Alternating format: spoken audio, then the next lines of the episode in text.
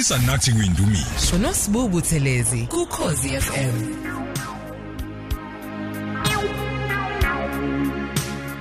Isikhathi ke sethu ngempela sesinje neshaka lolunye emva kwele shumi ihora kulolu suku lwanamhlanje semukela eh insizwa yalapha yana eHammersdale lempumalanga ubaba uvusi Mvelase sekubingelela Mvelase omkhulu Baba siyabingelela. Ninjani?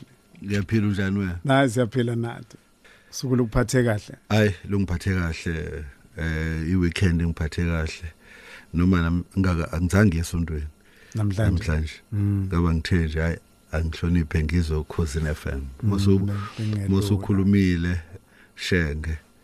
Eh fanele umuntu asukume. Siyabonga kakhulu baba siyabonga nje nokuthi usemukele isimemo sethu. Eh isigaba lesi noma uhlelo lwethu esicabanga ukuthi lubalulekile kakhulu kubalaleli bethu ngoba ukulalela nje omunye umuntu ukuthi yena lolu hambo lwakhe lempilo luhambe kanjani kuyamlekelela umlaleli osekhaya eh ngoba ka- kakhulukazi ke- siyesicabange nje sengazi ukuthi kunabantu bona abavele nje bathi bezalwa babevele bephethe igolide ngesandla Mm. kanti indlela ibenzima Kakhulu. Kakhulu. U- umabani inkosi inkosikazi lena ekuthwalile ngesibeletho sayo Eh umamsomi. Umama wami umamsomi.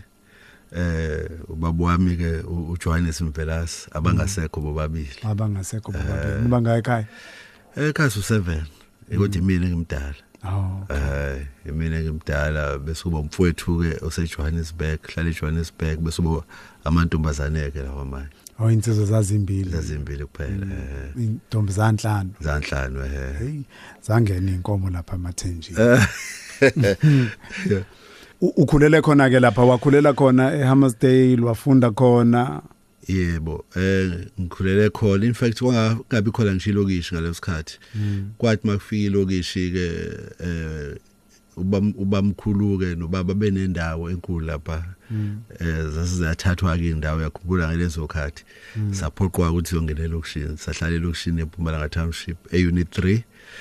La ngakhulela khona ke ngifunda e- ekoleni zakhona isibuko sezwe. but eh impilo yaselokishini ngaleso sikhathi kwangafani namanje yabo eh eh sasifisa ukuthi sibukele kwabanye abantu aba- abadala ukuthi kwenziwa kanjani eh unlike manje ingane zethu ayisafuni ukuba nama role model ngoba thina wawuthi ngifisa mokhula uthi ngifisa ukufana nosibani bani. Ubani wawufisa ukufana naye? Hey eh yabona ngaleso sikhathi kwakukhona izinsizwa ezazi ezazi strong kakhulu. Nala e- e- ukhosini nje wathi mulalela izinsizwa ngalesikhathi kwakukhona osilelo oJoshua Mlaba. Yeah ehe obaba uJoshua Mlaba wathi ngibuka nje neKansas City ngithi ngelila ngake ngangena la eh ngi interview yona eKansas City. Manje wawufisa nje ukuthi ufale nosibani bani. Uthi hayi bangabanga umsakazi. Ngizoba ukuthi lapha lapha eHammersdale kunabantu aba aba- abahlonishwayo kakhulu. Em ngithi umndeni wakasabela mangikhumbula kahle omunye wawo omunye wakasishi leyo mndeni leyo beni ngesikhathi nikhula benibuka kuleyo mndeni ngendlela ababe ukusebenza kwamadoda eh, aleyo mndeni. Ehe ikakhulu nefamily yakamcoyi oh yes. Ehe kamcoyi eh, oba ubudwise laba. Obud bethu. Njobusho nje ukuthi ke eh kasish eh kukhona lo baba RD Sish eh, ephethe ibhola. Eh sifuna ukuba yabo sibukela kakhulu ukubona kodwa kwaku businessman kakhulu ke lapho nawe uyitshela ukuthi ngelila uNkulunkulu uzokusazokunika kutshela ukuthi iphi career yakho. Kodwa ibusiness kakhulu abantu ababe prominent ngalosikhathi eHammersdale kwafamily yakasishi yakwamcoyi eh ibona babe be- benama business ngiyayizwa le yakasabela ukhuluma ngayo.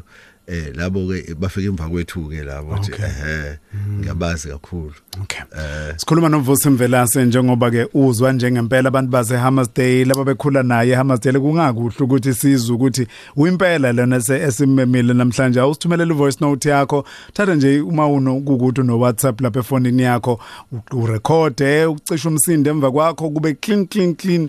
Dosithumelela lona sitshela ukuthi ukhumbulani eh, ngoVusi Mvelase. Mhlawumbe ukhule naye lapha eHammersdale mhlawumbe hlangane naye eThekwini nje mhlambe nikhonza naye mhlambe ke nihlangane naye kwezamabhizinisi akushayele ku 0716136667 sithumelele yona sizwe ngoba siyathanda ukwazi ngaye sithanda ukwazi ukuthi manisakhula nanikhula kanjani? Iziphi izinto oyikhumbulayo ngovusa imvelase ekukhuleni kwenu? Njengoba sinaye nje namhlanje sithi ake sizobheka eh, uhambo lwakhe sponsor amehlo ethu.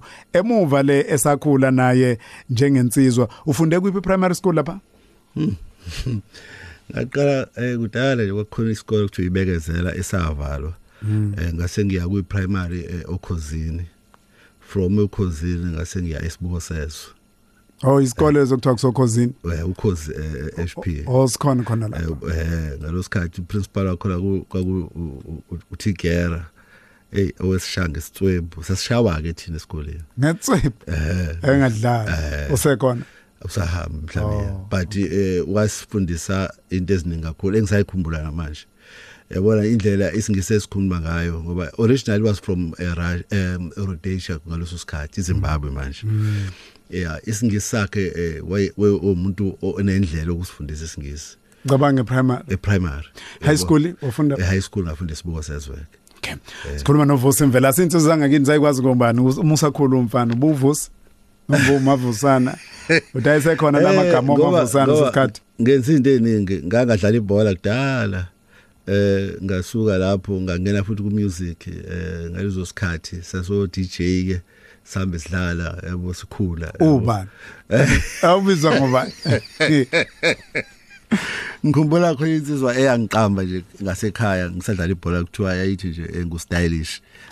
Stylish. angazi ukuthi ngangenzeni ebholeni ngaleso sikhathi. Kodwa ubuwazi ukuthi makuthiwa baleka stylish Eh, kusho uthi- wena eh, Yeah. yeah kodwa ke hayi ibhola nga- a- angidlala kakhulu ngaliphatha kakhulu. Eh emva kwaloko ngathi ngiyaliphatha ke yabo. Wawuqeda high school ke manje wawusewenze njani? Ngiyazi ukuthi uma uqeda kakhulukazi umuntu okhulele lapha na ko Hammersdale ngoba be- bekunane ifundiswa eziningi lapha eHammersdale. Angimisele kakhulu ukuthi ngoba something but kuthe ngo1982 eh ubaba wa- washona. Okuyena oyi breadwinner awuya not not the salary breadwinner uyena we supporter kakhulu nezingane zakithi. And unamazwi awasho eh ubaba mina ngikhule ekhaya wangithengela imoto mhlambe I was doing standard 6 Ukuyi nga mhlambe sasu 3 eHammersdale sasidrive imoto eh sibancane. Eh wathe mesegula wagula eh samhambisa esibhedlela imoto sayifile ekhaya. Eh amagama awasho eh, eh, eh, asaringa manje kumina. Eh wathi simhambe samqashela imoto eh esibhedlela eKing Edward kanti ngeke asabuya. Eh wathi kumina eh, ngane yami la ekhaya uzalo khona imoto? Angifuni ukuthi imoto isiphele la ekhaya. Ngifuna nina nomfowenu nihambe wazwasho nje kanje nihambe nama nihambe ngamabhanoyi yabo? Ey, tselele ngaka Yeah, madoda. wahamba wayesibhedlela kanti ngeke asabuya emva kwaloko isimo sashuba ke sasibi kakhulu. Ekhaya. eh, ekhaya. Ngoba ngathola umsebenzi efactory ngoba ngase ngicabangela ingane zonke lezi ezingilamayo ukuthi fanele wayethe ucela ngifundisa kodwa ukuthi ngiphumeke esikoleni ke lapho. Ngihambeke ngiyothola umsebenzi khona ifactory okuthiwa Natal Thread eHammersdale eh ngasebenza khona kakhulu. Bithe mangisebenza lapho eh kwakhona isikhathi sokudiliswa. Ngadiliswa. So nganikwa ipackage imali encane nje yebo. Eh ngahamba ngafike ngathenga imoto ku auction ngiyakhumbula kwakusethi kwakuse uGG ngathenga nje VW Beetle. Ngase ngiyofuna umsebenzi kwa kwa Metropolitan eh ku insurance ngasebenza lapho ke eh ngadayisa insurance. Uzubona ukuthi uNkulunkulu usebenza kanjani. Eh ngithe ngisebenza lapho eh ngathola ngathi ngiyothenga imoto ngibona singiyahola hola oh, umlungu kwakhona kwamabhunu ngalosikhathi wala ngixosha ke ibhunu lapho bolithi ngalosikhathi ngangithanda ukuba nenwele ngagundi yabo lento kusuka esikoleni yabo eh usana lonto unaliyo nto nje yo- Kunda le yokuba ngazi. tayela zazikhona sesikhathi. Zazikhona. Eh, sa- sa- eh, sa- eh, sasingagundi yabo kube Oh, iy'nwele. ushaya afro yakho le njengama OJs. ehe kodwa ke thina sasiba mahluthuluthi yabo ukhombisa ukuthi uyi freedom fighter yabo ngalosikhathi Oh. ehe yabo so ke kunaleyo nto nje i- yokuthi nje sicindezelwe yabo pho pho uthundlozi akabuyeli lapho. U- exactly nondlo sasenjalo okay. Ibhunu la icaso yalicasula lento langixosha Mm. the imali ngixosha ngase ngithola umsebenzi wecompany kwayase America yayikhona la yayidayisa insurance futhi nayo. Hayi lapho ngathi uhola hola ke. Ngasuka lapho ngithi ngiyothenga imoto ka Emaritzburg eh garage ka Exons mangifika lapho wabese nje umnikazi wegarage wa- wathi nje nganjani ukuthi ngimlethele ama client emoto abantu abafuna ukuthenga imoto. Eh la bengisebenza nabo ngathi hayi ngakwenza kodwa nganginika u50 rand ngemoto. Yebo. It was 1983 yebo. Hayi ngakwenza lokho. Ngakwenza lokho. Ngathi ngikwenza ayi impela ngaletha ama client ngafuna ngiye nasema factory naku kuma insurances hayi abantu bangisupport abantu. Eh kwathi ngelinye ilanga ngithi ngilethe i I remember it was on monday. Ngithi ngibaleka ideal. Kanti sebe amasulumani senu asefuna ukuba nemeeting la bangibize emeetingini. Athi nganjani ukuthi eh usebenza la permanent? Eh sizokunika imoto bese bangiheha nge kwa BMW ngaleso sikhathi. But nansi imoto. Yebo. Eh ngathi ngisazoyicabanga le. Kuba kanti usayizamela uhamba ngale bhidli yakho? Ngebhidli yabo ngizothenga imoto kubona. Banjela ukuthi ah, bafuna ngithenge lokhuzi bafuna sebeya employ eh eh ngase ngithi bathi le yakhe imoto oyithengile ipake sokunikethe imoto. Bangeka ngaloko the rest is history. Ngaqala kanjalo ukungena kumkhakha wemoto industry. Bo 1983 1983 U- yeah. u- u- ngiyabona la babunjile uthumela umyalezo uyasho ukuthi eh, uyasho ukuthi nisuka kude naye ni eh, gruma ama artist Eh. business eneyimoto njalo. Njalo uyileso sikhathi kwaqala khona manje eh, lo muzwa wokungena emotweni emotweni bangubuka ngalesikhathi i remember ngi eh, sengingenile emotweni ngidayisa. Ubandlulwela umngo elwelukhulu kakhulu ngalesikhathi kwakuthi ma eh, kungekho umuntu omnyama odayisa imoto. I think mangisho mhlambe la e- eKZN was one of the first. Eh mangi ngithi ngiyadayisa kufika umlungu athi uzobheka imoto eh ngithi ngiyamdayisela athi eh, ngubani wena? Ngithi I'm a salesperson athi no i don't want to be served by you. Go and call a salesman yabo eh lokho kungilokhuze kodwa ngani ukuthi abantu bakithi bangisupporta kakhulu. Yiko lo wangenza lento engiyiyona today. Eh eh ngendlela abantu base KZN eh kwangela abantu baseGoli abangisupporta ngayo ngumuntu olokhuzayo. Ngoba even the people that are ama politician manje ama ngwazi angazi ukudayisa imoto. So ke ngaqhubeka kanjalo ke nga decide ngawuyeka ke lo msebenzi ke lo insurance ngaqala ukudayisa imoto in a very big scale.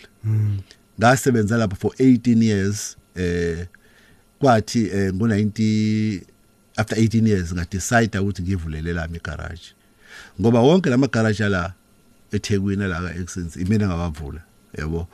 Eh ngase ngivulele lami la ku Smith Street okuthiwa iTop Cars sihlangene nobaba uMagubane wasehamba stela omuyi businessman ngiyalikhumbula ehe sahlala phansi to baba uMagubane sathi "Hayi, ake sivule into i- into yabantu abamnyama sayivula ke ngasho futhi nayo is one of the first black eh eh, eyabakhona la eThekwini.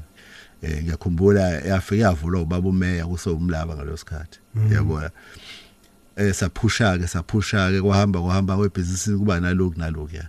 Yebo.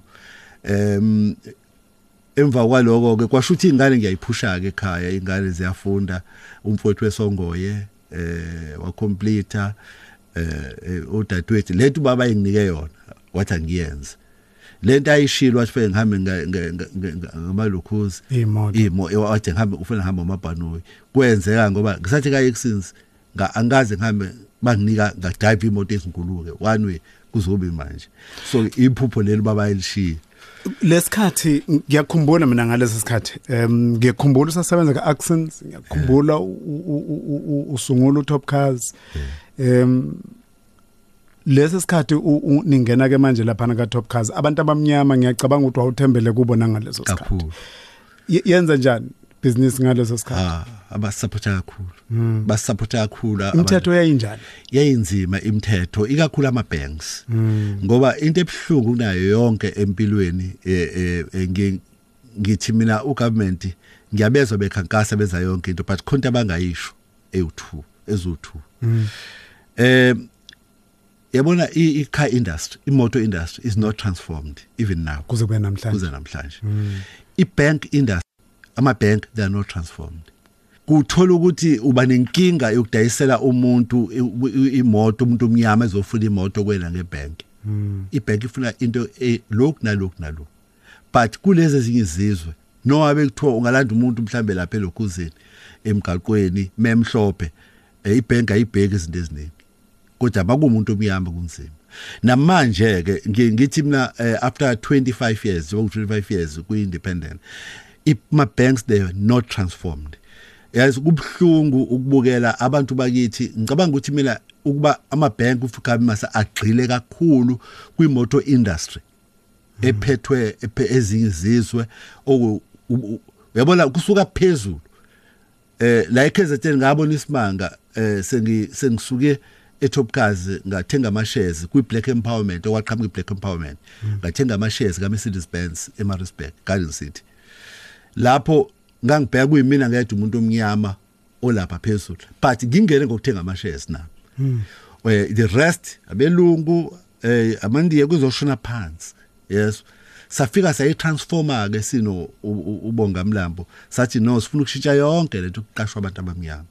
Hey dot vusimvela sesikhuluma naye ke Sigaba sethu singena njalo ngesonto ngehora leshumi sisuke sibuka khona uhambo lwabantu baka seningizimu Afrika sibheka uhambo lwabo lube njani? Ngiyacabanga nje ukuthi kuningi osukucaphunile kusukela ekhula egulela ubaba wabo isimo kade sisihle ekhaya sashintsha izimo kodwa noma kunjalo babambelela waqinisela kungelula wangena waphuma wangena waphuma wangena noma kunjalo kodwa engalahlekelwa umbono nephupho lokuthi yini afuna ukuba yiyona. Yilokho esisuke sifuna ukuthi kwenzeke nakuwe ukuthi ufunde kubo kube nezinto ezicaphunayo eh kubona ukuthi awu ngoba ekugcineni uba ngabe sekutshela noma uzomuzwa nje ukuthi uyamuzwa ukuthi noma sekufika lapha kwazi ukuthenga khona amashares kodwa usuka kuphi lapha asuka khona? Usuka esikhatini lapho ayingena lutho khona? Usuka esikhatini lapho ake athola khona icommission ka50 rand eh, ngemoto edayisiwe? Ungasho ungasho ukuthi ukholwa ikona ukukusizile njengomongo ukwazi ukuqhubeka ezimene ezinzima odlule kuzo. Ubamkhulu wami wemshumayeli eh esontweni lasemaromeni kakhulu.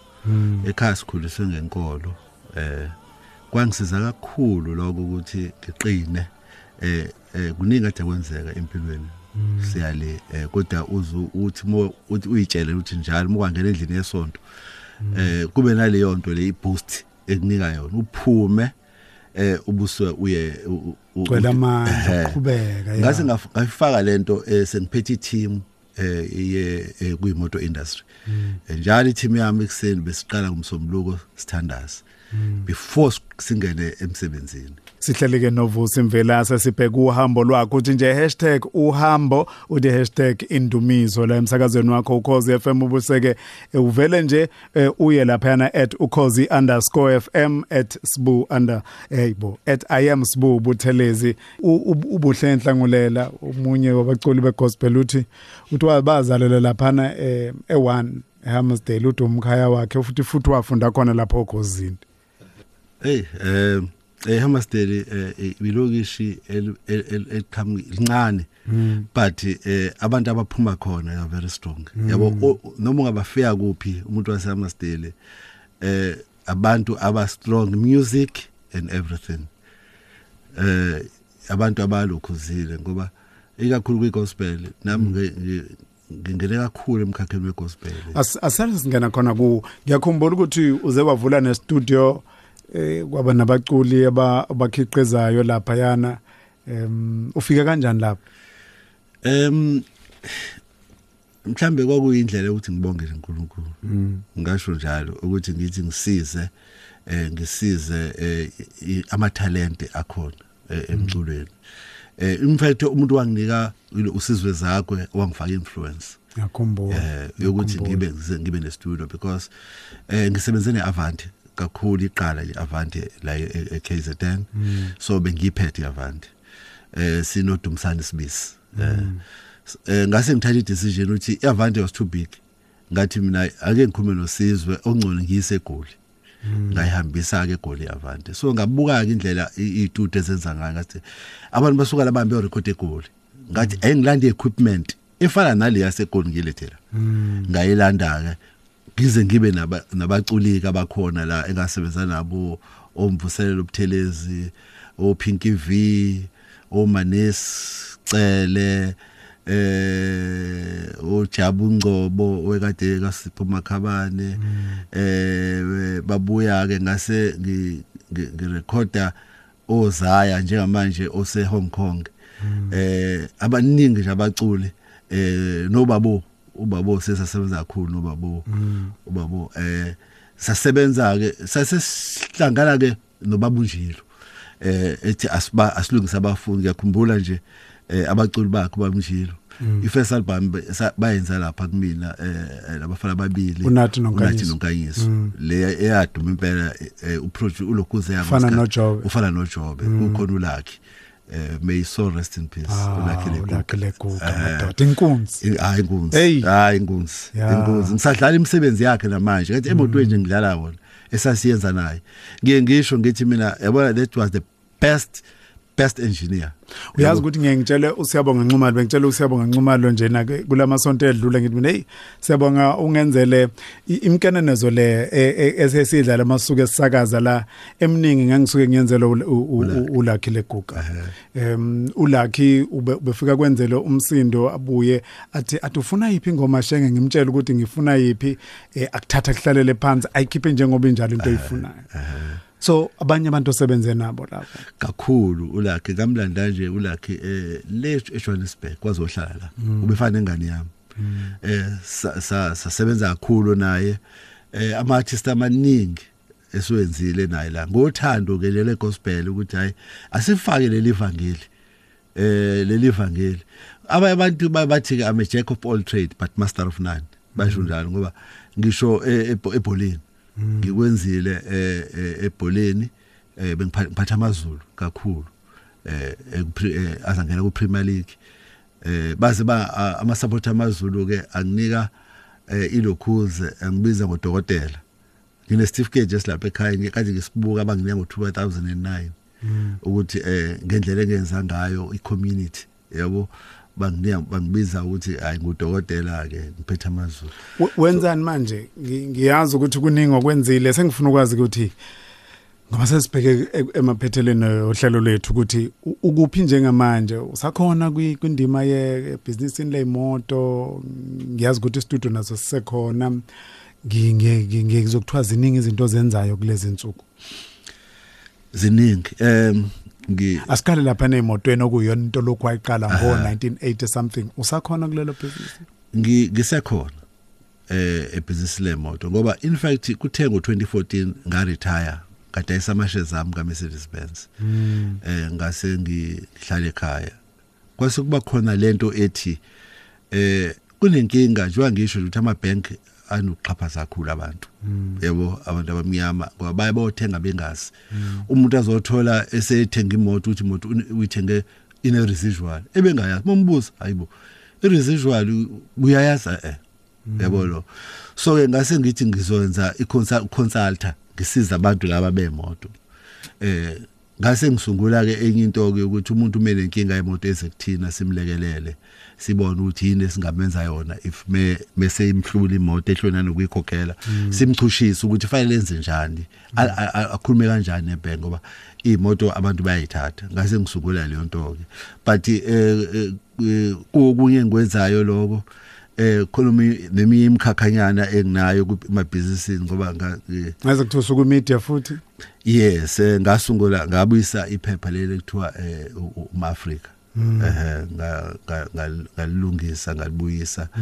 And eh mhlambe nayo ke sikhona ke imina uvela eh uMaswiti noma Magayi uyagula njengamanje sasungula ke izilumzansi eh i- radio i radio community radio station. Community radio yeah.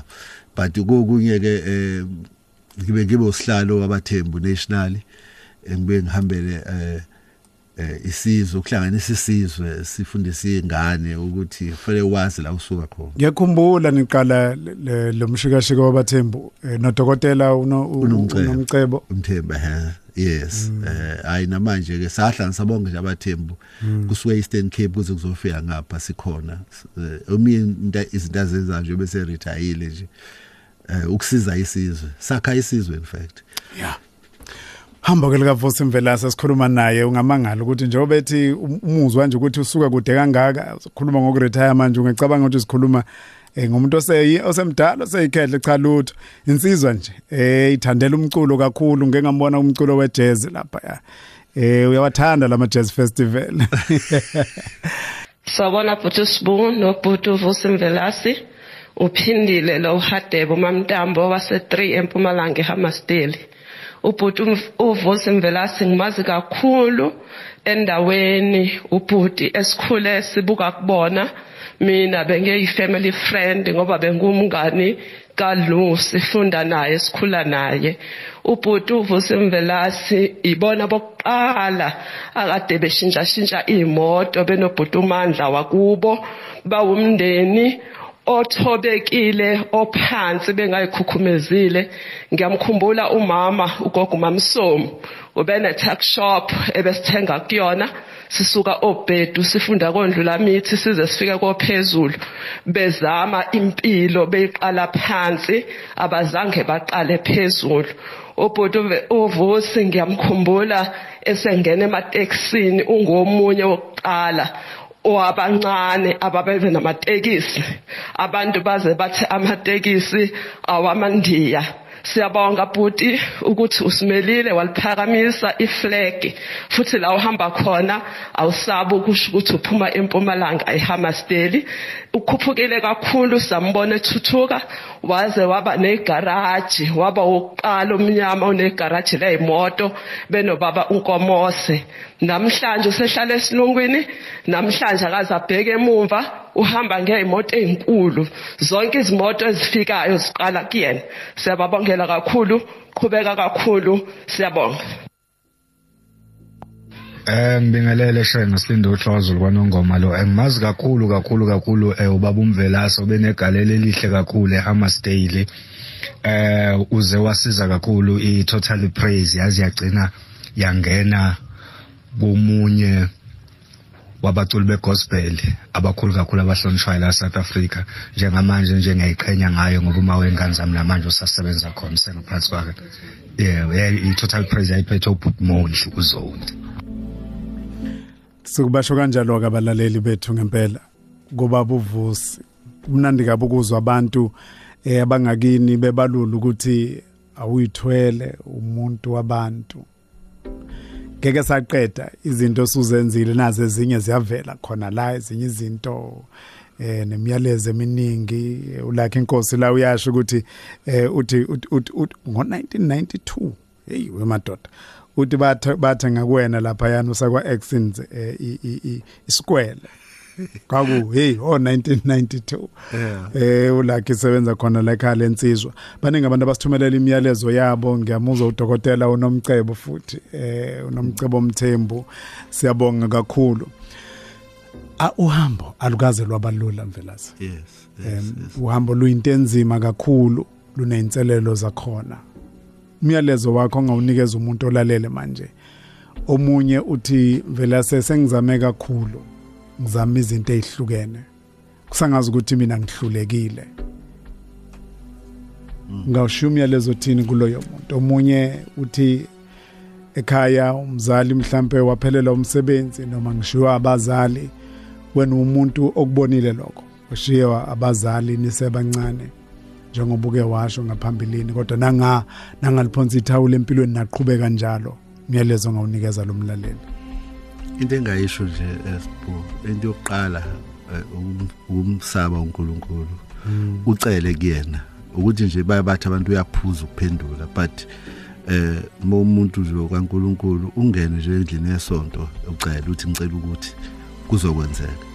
Eh nanokuthi ke ukuhlonipha uhloniphe abantu abadala uhloniphe abantu abancane uhloniphe nje emhlabeni yonke into iyenze ukubekezela eh ayikho i-shortcut empilweni yiloko engakusho ayikho i-shortcut yonke into inesikhathi iyenzeka iyenzeke kuze kufike la ufuna khona but i-shortcut iyokufaka emajele Hey, madoda Yes. khulumile mvelasi. Thola kuphi ne email ngakhula masifisa nje ukuxhumana nawe. eh ngine ngine email nje ethi vusimvelase3@gmail.com eh vusimvelase3@gmail.com noma ke inamba yase officeini ethi eh 076 195 4678 076 195 4678 Phela siyabonga kakhulu mfowethu. Isikhathi osinikeze sona kusikhuthazile kakhulu kuba kanye nawe nokukulalela nje mfowethu nohambo lwakho. eh, I'm eh, as I'm humble ukuthi eh unginike opportunity ngisaphila sengishawa uvalo nami ukuthi eh eh uNkulunkulu uzombeka kuze kube yinini ngoba kuthiwe kumnandi ukuthi umuntu athole ngawe usaphila. Into eniyenzile as ukhoze FM ni- niyenzela kwabanye. Ah siyabonga kakhulu Velasi. Siyabonga. Siyabonga. Nesiyabonga kakhulu kuba uVusi Mvelase kade ke sikhuluma naye. Nawe ke futhi ungasithumelela makukhona umuntu othi uvelele ngakini kungaba seGold, kungaba seEastern Cape kuphi kuphi sikwazi ukuthi ke sikhulume naye. Xoliseke kakhulu ukuthi email yami yakhona la emsebenzini ayikakasebenzi kodwa ikhona ongangithumelela kuyo ethi invest abantu bahlale becabanga ngathi ngithi invest cha bafethu. Iu invest ono m investsbu@gmail.com investsbu@gmail.com ungithumelele lo email unginikeze kabanzi ungixoxela ungitshele kabanzi ngawe mangabe ufisa ukuthi sizolalela uhambo lwakho. Makuwumuntu oseceleni mhlambe kombonile nawe sixoxele ngaye kabanzi ukuze sibone ukuthi singakwazini ukulandelela sibheke uhambo lwakhe. Umculo wokudumisa inindumiso nosibubuthelezi kukhozi FM hamba phambili.